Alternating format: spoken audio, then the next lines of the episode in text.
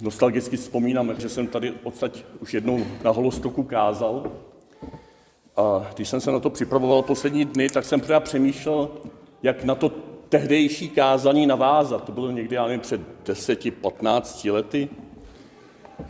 A tam byl takový otvírák. Já občas dělám otvíráky, abych vás probudil, když tak po té probdělé noci tady poklimbáváte možná někdo. A jsem prostě dneska na žádný otvírák nepřišel, takže vidíte, že žádný ani nebyl. Otvírák znamená, že jsem tehdy řekl něco jako sraby. Jo, to se všichni probudili a já jsem začal tehdy kázat o tom filmu Návrat Andreje Zvigančeva, který začíná, jak tam z té vysoké věže nad jezerem kluci skákají do, do hlubiny a jeden z těch mladších bráchů, dva bráchové, se bojí a nechce skočit. Oni ho pozbuzují a nadávají mu do srabů právě. A on neskočí. A se vykašlou na něj, jdou domů, už je večer, stmívá se, on tam na té věži pořád sedí, zimou se třese a vyleze za ním máma. A co se děje, Andrej? No, no já, já se bojím skočit. No tak neskákej. Ale já musím skočit, já bych byl srab jinak. A on mu říká, ty skočíš, ale ne teď. On se uklidní, sleze s ní dolů a začíná celý ten nádherný film. A přesto já na to navážu. Mně se ta návaznost na tehdejší dobu objevila v jednom verši z jedné písně, ke které se za chvilku dostanu.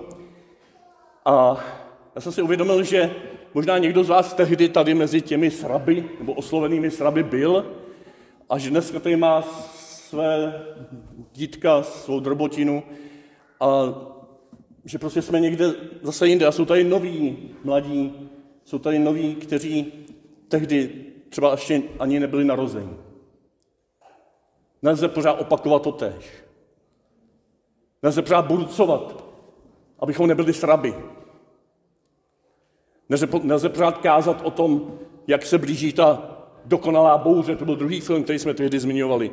Perfect Storm, bylo to evangelium o té bouři na jezeře a Ježíš říká, nebojte se. Možná stojí za to někdy se burcovat, abychom se nebáli. A možná po 10-15 letech zjišťujeme, že se bojíme. Možná zjišťujeme, my, kteří jsme si tehdy říkali, jo, my to zvládneme, my zvládneme přijet na té naší lodi, tu největší vlnu a zachránit svět. Zjišťujeme možná, že nezvládneme nic pořádně. Že se nám to boltí pod rukama, že se pokoušíme, pak se to všechno rozplyne. Co s tím? Já jsem zkoumal trošku, plnil se domácí úkoly, nevím, jak to máte vysplněné, když jsem si otevřel Facebook Holostoku, tak tam bylo naposled, naposlouchejte si ty písničky, abyste sem přijeli už s naposlouchanými nějakými písničkami. To pak se to lépe poslouchá, když už to znáte. Kdo z vás to mě naposlouchal, nevím. Já jsem to poctivě poslouchal, protože jsem zase tady nemohl být s váma, já jsem se tady včera myhnul na chvilku, když jsem přejížděl z Chebského poutního maratonu zpátky do Plzně s divočákem v kufru. A to jsem se do mrzáku, protože jsem se tady nemohl zdržet více až do večera. A tak jsem to poslouchal, ale než jsem si vybral, co budu jako první poslouchat, tak jsem se podíval na ten playlist, který tam vybíral nevím kdo, Matěj, a říkám, tak se probírám a říkám, hele, tady je nějaká zbožná písnička ode mě známého autora.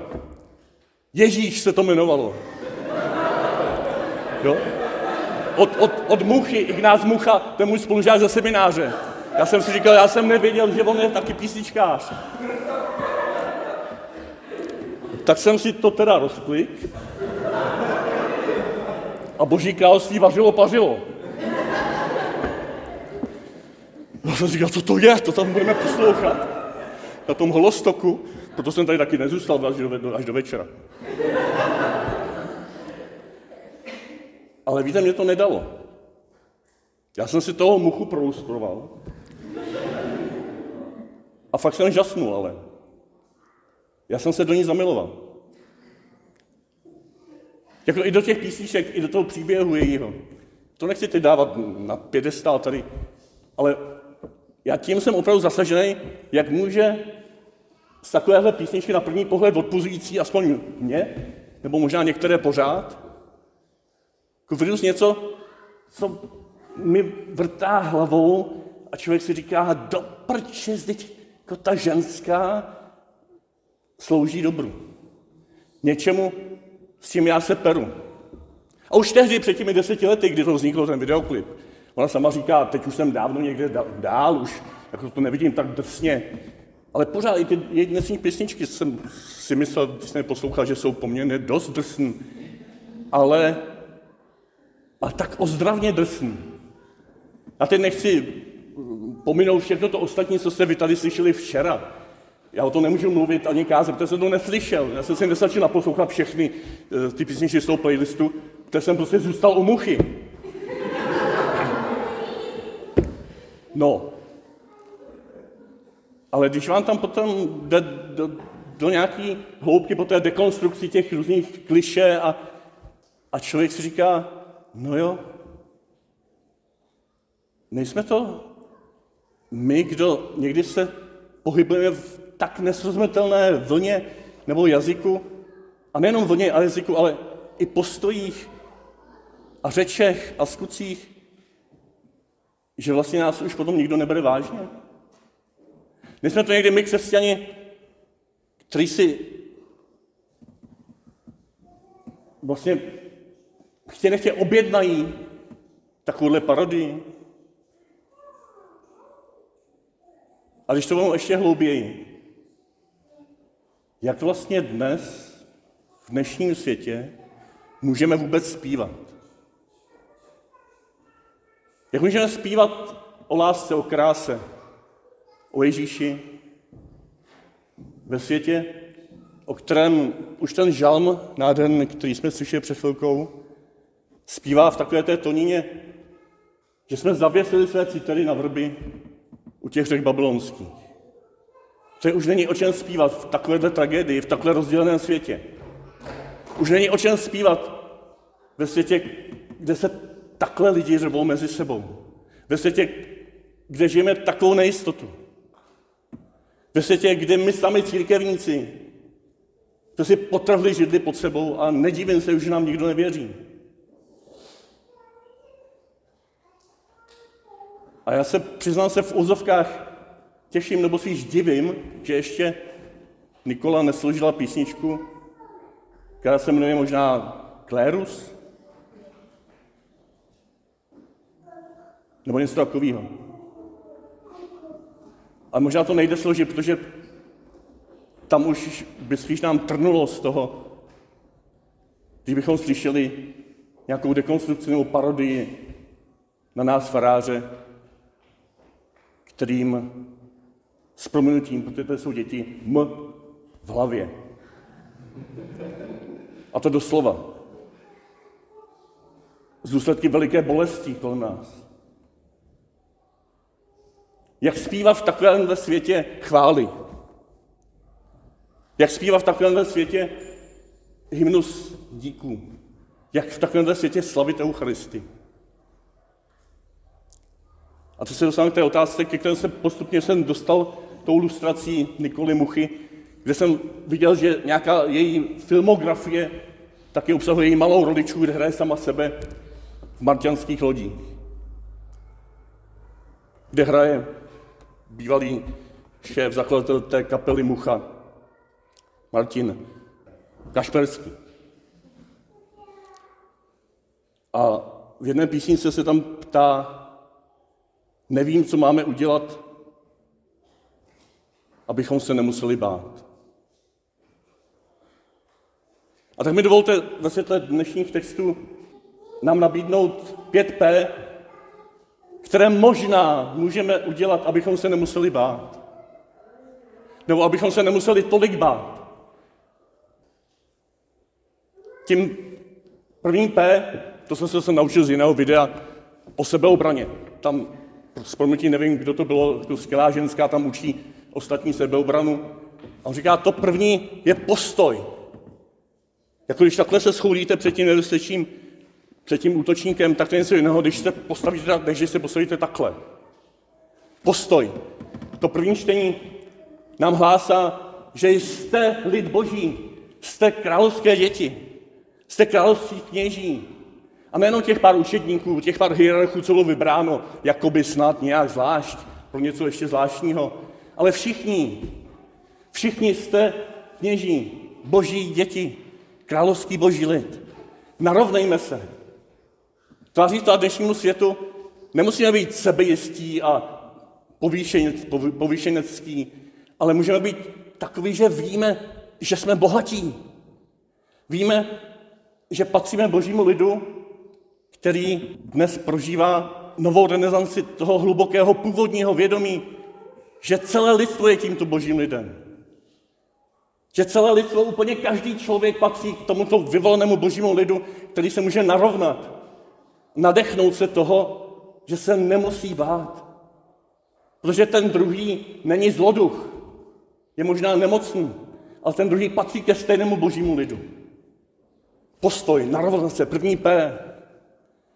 To druhé P, boží lid, to znamená, že nejsme sami, jsme v nějaké partě.